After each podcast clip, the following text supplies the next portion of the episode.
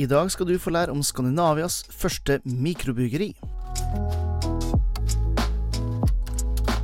Hallo, ølgærninger, og velkommen til Ølprat, podkasten som leverer entusiasme og ølkunnskap rett i øret ditt. Mitt navn er som alltid Jørn Idar, og i dag en aldri så liten godbit jeg har latt marinere i hjernen min litt for lenge før jeg faktisk fikk manifestert den, nemlig en prat med Kristoffer Gjerner, en av grunnleggerne av eh, Skandinavias eh, første mikrobryggeri, nemlig Oslo Mikrobryggeri. En eh, meget hyggelig prat med han og dattera hans, som er nåværende daglig leder der, Fanny Jerner.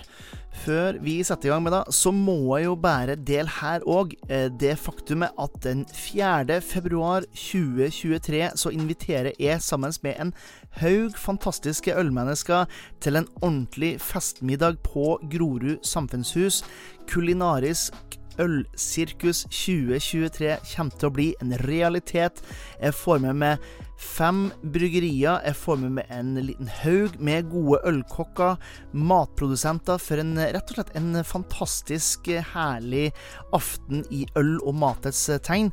Eh, det er plass til 200 stykker, så jeg trenger faktisk at et par av dere millioner av millioner av lyttere eh, kjøper billettene som kommer til salg den 31. Eh, oktober klokka 12.00. Begrensa antall plasser, som dere skjønner. Så eh, følg Ølsirkus enten på Facebook eller på Instagram, så finner dere billettene der. Jeg kan òg legge dem i shownotes, bare sånn at dere vet hvor dere skal gå hen for å eh, få siste nytt eh, der. Eh, siste nytt må jo dog innrømme at kommer jo alltid på nyhetsbrevet. Det er òg link til da i shownotesen.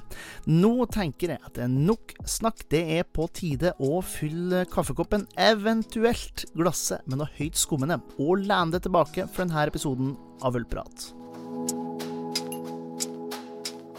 Og Vi sitter jo her i storstua hjemme hos, hjemme hos, dere. Og vi skal jo ikke snakke om verken møbler eller stue eller den type ting. Det vi skal snakke om, er jo en ganske sånn fantastisk ølreise som kanskje ikke så mange har fått med seg. Eh, fordi du, Fanny, du er i dag daglig leder på Oslo Mikrobryggeri. Mm, eh, og tatt over stafettpinnen fra, fra far. Ja. ja.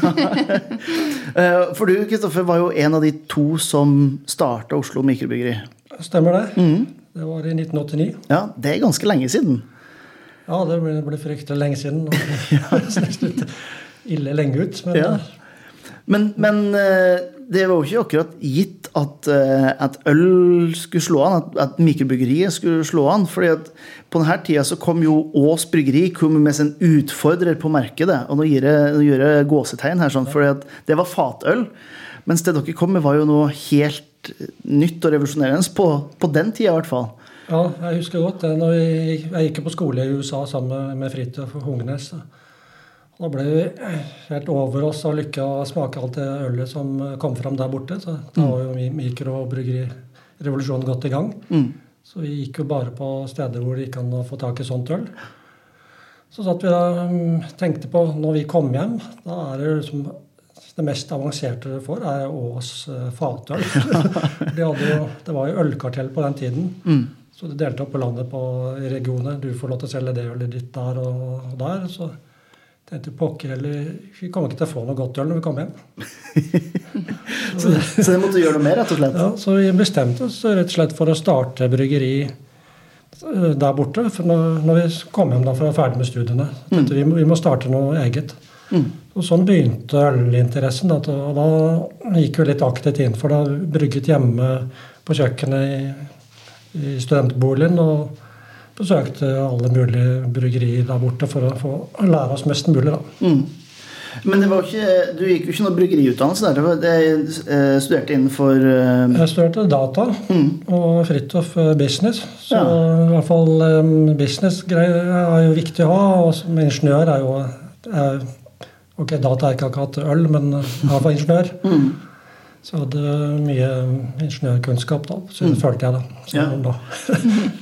så sånn sett så har det ikke vært kanskje så mye praktisering av utdannelsen i bryggeriet, selv om, eh, selv om det er mye prosesser der også? Jo, det ble jo det etter hvert, da. Ja. Det er jo fullt datastyrt, eh, mye av prosessen. Mm. Så fikk du inn etter hvert, da, men til å begynne med så var det jo naivitet og pågangsmot som det kommer langt med. Ja, ja, det vil jo si. For det her er jo ei tid der eh, det er ikke så enkelt å få tak i utstyr. Det er kanskje enda vanskelig som hjemmebrygger å få tak i råvare. Det er ikke sånn som i dag at man har eh, 50 forskjellige hjemmebryggerbutikker og en, en liten del eh, med, med rett og slett leverandører og produsenter av utstyr. Hvordan, hvordan kom dere i, i, gang med det å, å bygge et bryggeri? Når vi kom hjem fra USA, så var det jo Vi hadde en del kontakter på bryggerileverandører i USA. Men eh, jeg dro til England, da, for da var det sånn det vi tenkte der, der er det masse småbryggerier. Kom i kontakt med noe som heter Camera. Mm. er Campaign for Real Ale. For de hadde jo også litt av den samme utfordringen i USA, hvor ting ble kommersialisert, store bryggerier tok over alt, alt ble vannet ut av mer standard øl. øl. Mm. Så de hadde mye kontakter med de som drev med småbryggingen, eller småbryggerier. Så jeg dro over dit, hadde møte med dem, og så sendte de meg til tre forskjellige leverandører av småutstyr. Mm. Og da Den siste jeg traff, det var på Heathrow på vei hjem. Han møtte meg der. Det var Peter Austin. Og vi endte opp med å kjøpe utstyr for han da, og litt eh, ekspertise da, for å komme i gang. Så, mm. Så vi liksom fikk en litt sånn flying start da, på, på hele, hele, greia. Litt, uh, litt Marshall-hjelp fra, fra, England, rett og slett? Ja, vi fikk med tre øloppskrifter som var sånn bankers. Liksom at vi skulle i hvert fall ha noe som funka skikkelig bra til å begynne med. Mm.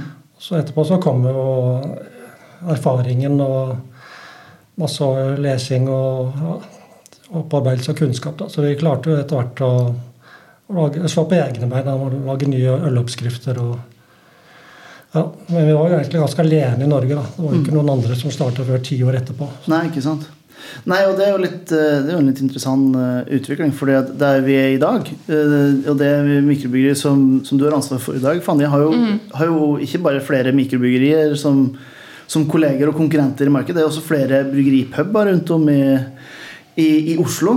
Mm. Eh, jeg, har jo, jeg, har jo, begynt med øl for en sånn 15 års tid siden. Og jeg har jo holdt på da i hermetegn lenge med, med øl. Eh, men de mm. siste fem årene så har det vært en eksplosjon med øldrikkere. Og i, de, i deres øyne så er kanskje ikke mikrobryggeri det, mest, sånn, har ikke vært det mest innovative, eller kall det sexy. da. Mm. Hva, hvilket klientell er det når det ikke er da dere hender dere til? Hvem er det som kommer på, på mikrobryggeriet? Uh, nei, det er jo mye nabolagsgjester. Uh, så er det noen stamkunder som har vært der nesten siden 89. Mm. Som også uh, fortsatt går der den dag i dag i dag. En del av interiøret, rett og slett? ja, absolutt. Vi har jo ikke endret så mye på interiøret heller siden den, den tid. Og det er jo ja, det folk liker også, at vi er ganske stabile. En sånn trygg havn i en ja. sånn verden av kaos. Eh, ølverden av kaos, da. Verden mm. også for øvrig, men det er en annen sak. Ja. En annen podkast. vi merker jo nå at det også begynner å komme litt flere unge, da. Mm. Etter mm etter korona litt utskiftning av eh, ja, ansatte og sånn. Um, så er vi flere unge bak baren, og det merker vi også trekker eh, flere yngre også. Som er, som er, gøy. Vi trenger jo fremtidige stamgjester også. ja, ikke sant? Mm. Ja, det kan du si kanskje litt, for De oppskriftene som dere fikk med dere, var jo ikke på en pils og på en bayer, og den type ting går ut ifra. Eh, hvilke stiler var det dere begynte med? Ja, vi begynte med pils, da, så for jeg helt sikker på at vi hadde noe som eh, nordmenn var vant til. Mm. Ikke skremme dem for mye. Ja, og så fikk vi en stout. Det fikk vi med en oppskrift på. Og så en, en øl som vi kalte for steamer. Mm. Og det var egentlig Fikk vi utarbeidet som, i samarbeid med leverandøren. da. Mm. Fordi vi ble veldig glad i noe som heter Ankersteam når vi studerte. Mm tenkte sånn øl vil vi lage også. Ja. Så vi kalte den for Steamer. Den var ikke helt lik som Anchor Steam sin øl. Den, den, er jo en lager, mens vi lagde den i nail. Mm. Men eh, fargen og humlevarianter og sånt det prøvde jeg å etterligne litt. Mm. Hvordan, hvordan, ble det mottatt, egentlig? Det var uh, det var veldig varierende. Noen syntes det var helt udrikkelig, for det var sånn Men da, andre syntes jo det var helt uh, supergodt. Jeg hadde, husker vi Dagen etter første åpningsdag så kom det en kar og banka på vinduet. Lenge. Han måtte bare ha en steamer til. så det var veldig mange som syntes det var eh, utrolig bra, men det var nok veldig uvant. da. Jeg har pratet med folk nå i ettertid som tenker tilbake på dette. De syntes det var kjempevågal å kjøpe en steamer. Ja. Så da viste det liksom eh, kompisen hvor tøff jeg er. Jeg drikker steamer. Ja, ikke sant?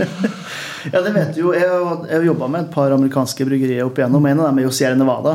Ja. Og jeg huska jo hvordan Ken snakka om deres pale ale. Hvordan når de lanserte det, det var en ekstremøl med liksom 46 IBU og masse smak. i hele tatt, Og det som i dag er ganske sånn standard, litt sånn snill pale ale. Så det har jo skjedd eh, fryktelig mye. Ja. Men, men steameren og stouten er jo en del av porteføljen deres fortsatt, ikke sant? På Ja da. Så vi har de som eh, de, En del faste øltyper. Det kan bygge det på seg litt etter hvert. Altså sånn IPA-en var det første som lanserte en IPA i, i Norge. Så Den er eh, blitt en fast traver. Og så har vi en Twin Peaksen, som også er fast. En litt mer eh, amerikansk pale, ale, litt lett light utgave av IPA. Så de er faste. Så varierer det litt. Har vi en del sånne faste variasjoner også, kan du kalle det. Sånn Vienna-lager og ja, skal vi, Altså, ja, sesongøl. ja, sesongøl. Sånn, ja, belgiske sesongøler. Oktoberfest og juleøl og påskeøl og Ja. Det som, det som dessverre jeg ser flere og flere produksjonsbryggerier slutte å lage. De, det blir mindre og mindre. Jeg, må innrømme at så, så, Nå sitter vi jo da i starten av oktober når vi tar opp det her. Og jeg har jo gått de siste to ukene gjennom alt jeg kan finne av menybutikker og Coop Mega og steder med ordentlig ølutvalg. Og har ikke funnet en eneste Martzen et eneste sted. Altså Oktoberfestbier. Det, det gjør litt vondt. Men det, men det er jo mye for, kanskje for et sted som Oslo Mykkebryggeri, for dere har klientellet uansett. Så det å jobbe med sesongøl er kanskje litt lettere, for dere har publikummet tilgjengelig. Ja, jeg vil vel tro kanskje det er litt eh, lettere, ja. Så kan vi jo Vi lager jo ikke like store batcher som de som eh, har selger i butikk. Så vi lager jo såpass mye at eh, vi vet at vi får solgt ut i løpet av den korte sesongen. Ja, ikke sant? Som oktober er, f.eks. Mm. Ja, en ting, Det nevnte vi faktisk ikke i stad, men, men Oslo Mikkebryggeri var jo Skandinavias første mikrobryggeri. Ja, Stemmer det? Stemmer det. Hvem var, vet du hvem som var nummer to? Det er i København. Det er Synnøve Tivoli. Ja, stemmer. De kom som nummer to. Så var vel nummer tre det som lå på Karl Johan.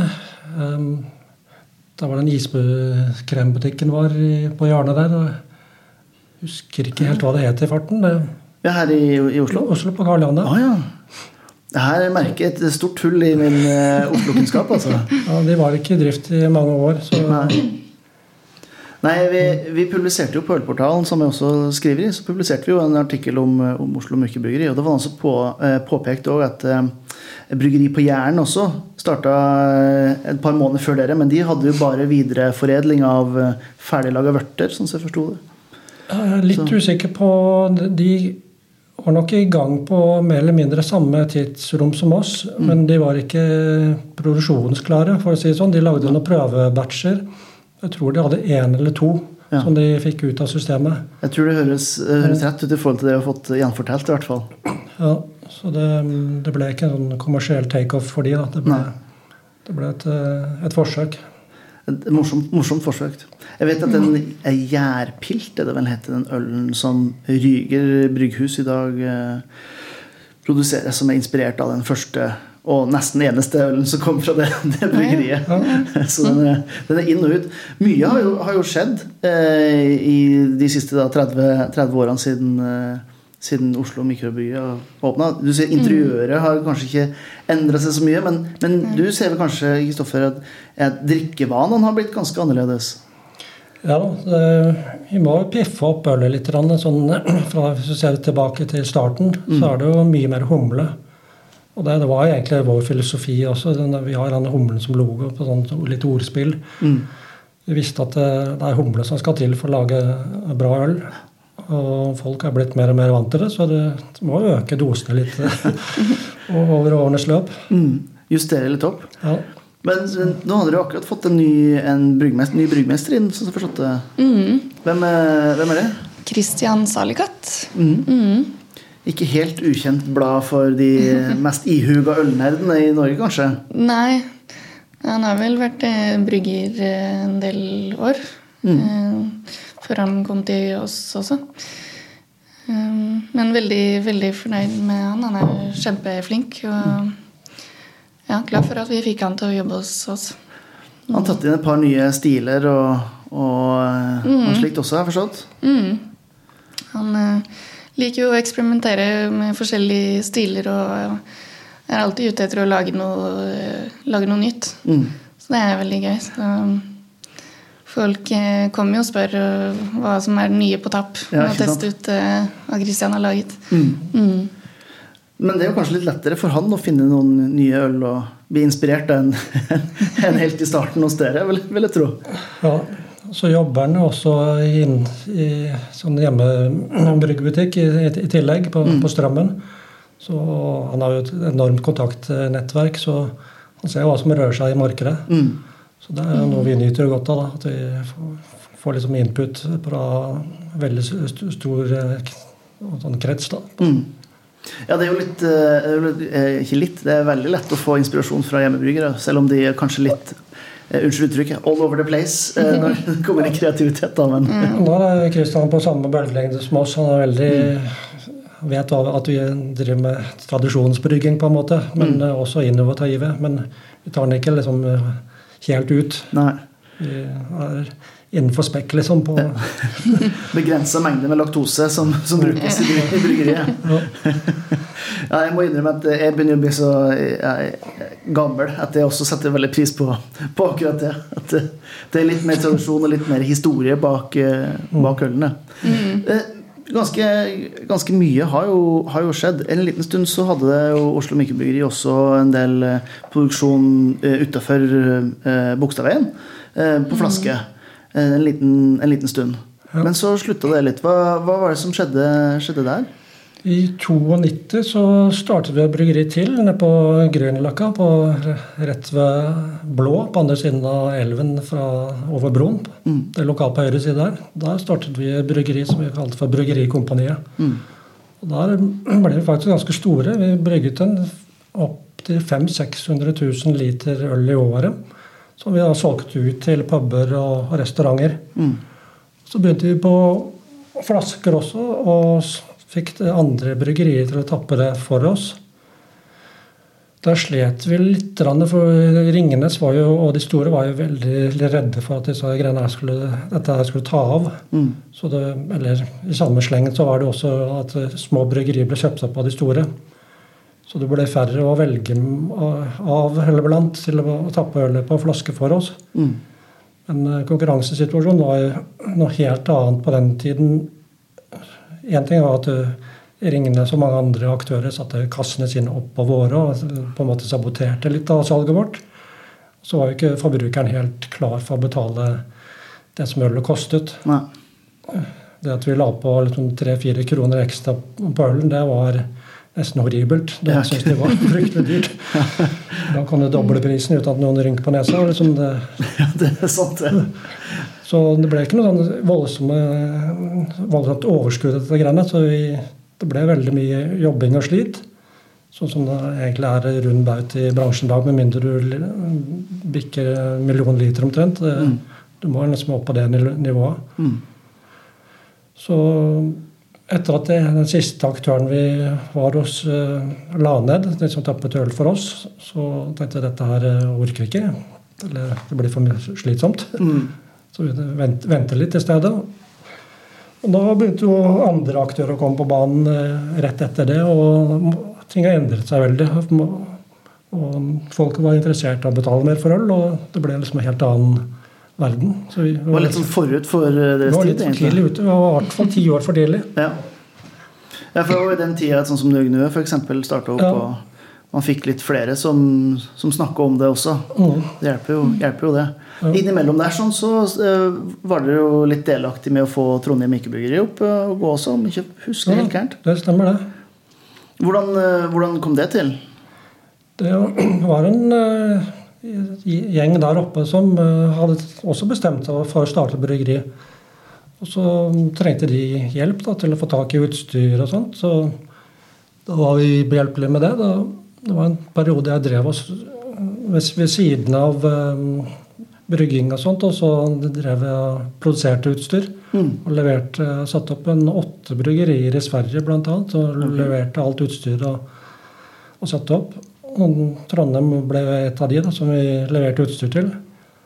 Men eh, vi fant jo fort ut at eh, ja, kjemien var bra, og vi hadde interesse av å bli, bli med på dette. Mm. Og de ville ha med oss, så da ble vi medeiere. Mm.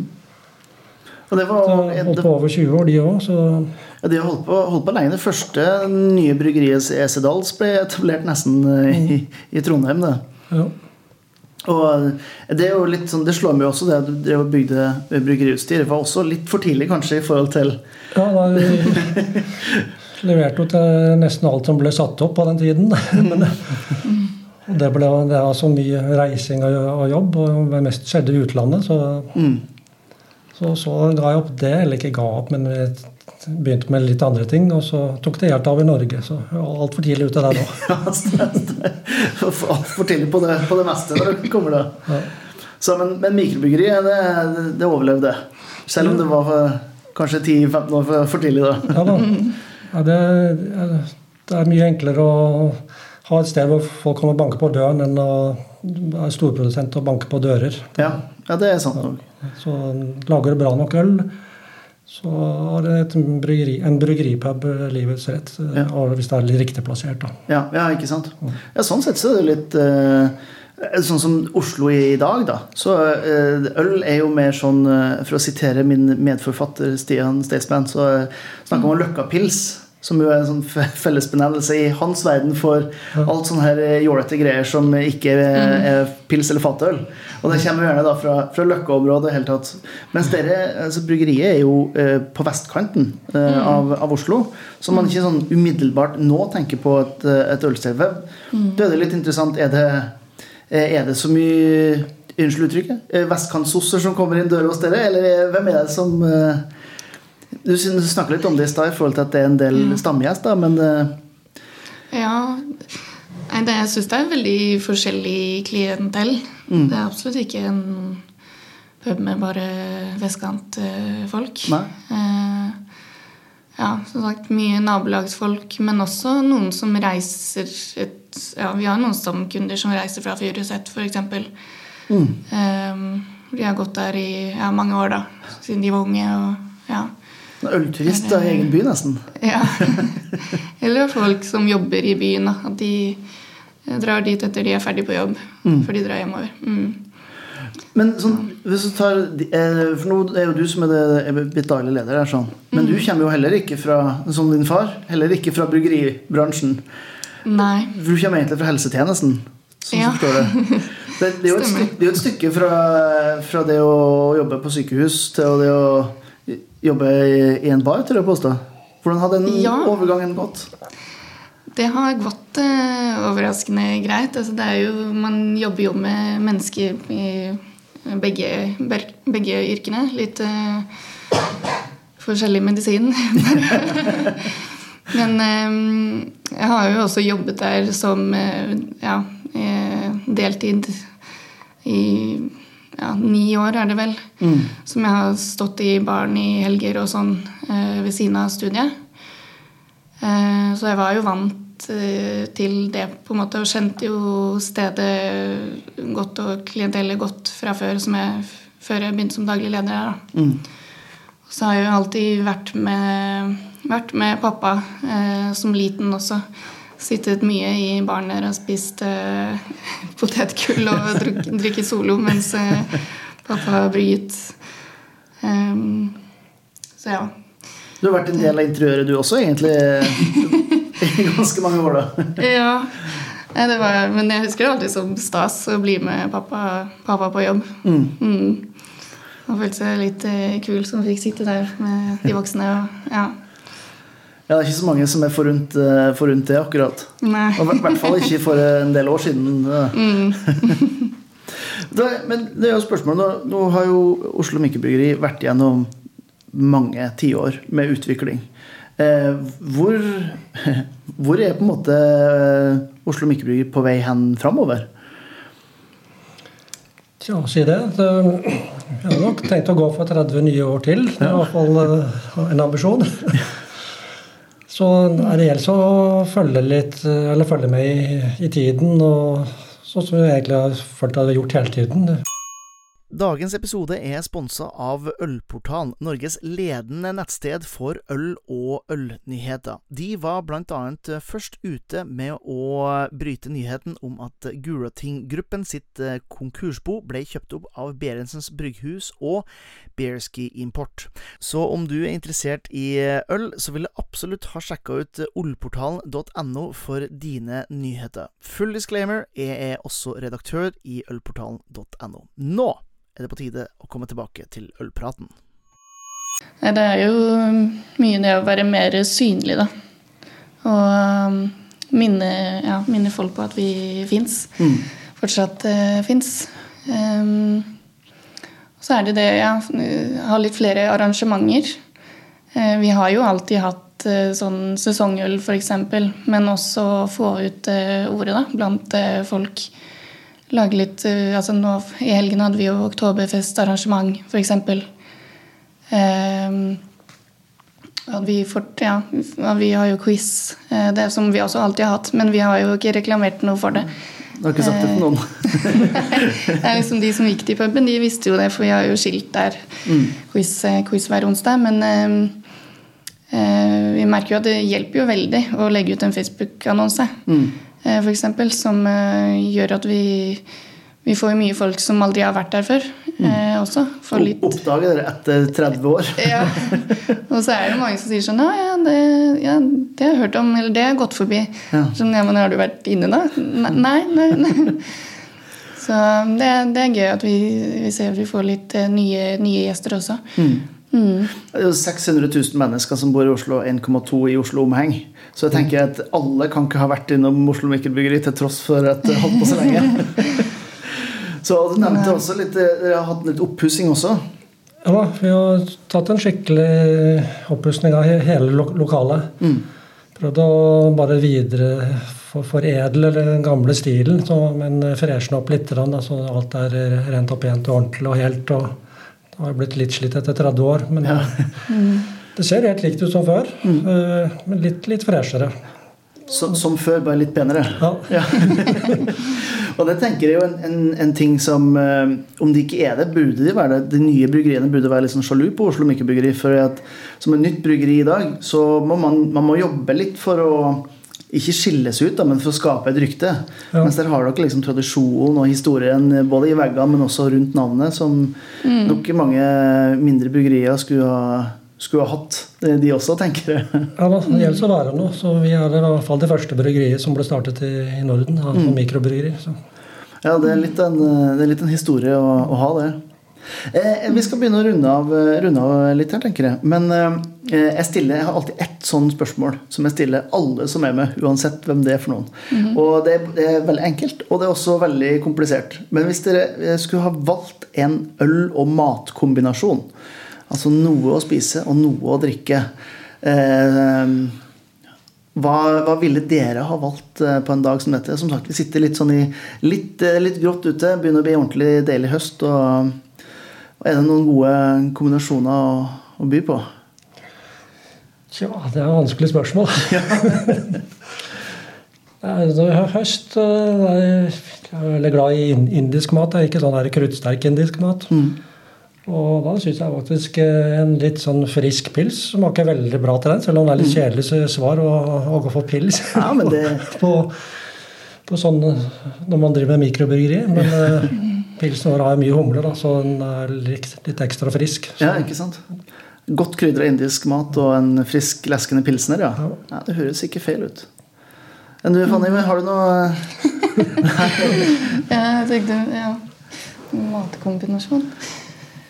Nei, jeg tenker i hvert fall eh, øl, da, så syns jeg godt på høsten med litt mer eh, sånn maltpreget, eh, kraftigere øl. Mm. Eh, kanskje en god scotch, scotch ale. Oh. Sittende foran peisen. Jeg vet ikke. ja, det, jeg, jeg driver også og underviser i noe som heter Fagskolen i Viken. Vi har et eget studie på produksjon av øl, mjød og sider. Og der snakka vi om overgjær ølstiler, og da tok jeg med scotch ale. Eh, og ingen av dem, nesten ingen av dem som har hørt om den stilen før. Så da fikk jeg bilder i de kommende dagene etterpå. Da hadde jeg endelig fått smakt sin første We Heavy eller Scotch Ale. Eller mm. 80 Shilling var det en som skulle brygge. Eh, og det var bare Yes! Det, det digga det. Så det, den er veldig med på. Perfekt høst, eh, høstanbefaling. Nei, men Bra. Da skal jeg ikke oppholde dere mer. Jeg setter pris på dere delte litt av historien og litt av framtiden til Oslo Mikrobryggeri. Og så gleder jeg meg til å følge de neste 30 årene, minst. Ja, Spennende. Hyggelig. Ja. Takk for praten. Takk Ja, selv. takk. Tusen takk til Kristoffer og Fanny for en meget hyggelig ølprat, og ikke minst tusen takk til det som hørte på. Jeg må be deg om en bitte, bitte, bitte liten tjeneste. Om du kan gå inn på Apple Podcaster eller på den eh, appen du hører denne podkasten på, og rate og review denne episoden, så sørger vi for at enda flere folk får med seg ølprat. Vi får flere ølgærninger med inn i det her øltoget, og ja, rett og slett eh, algoritmegudene setter veldig pris på det. I tillegg til meg, da, som eh, ikke er noe gud, men som er veldig glad i dere som hører på. Minner igjen om 4. februar putta i kalenderen Kulinarisk ølsirkus 2023. Det kommer til å bli helt King Kong magisk.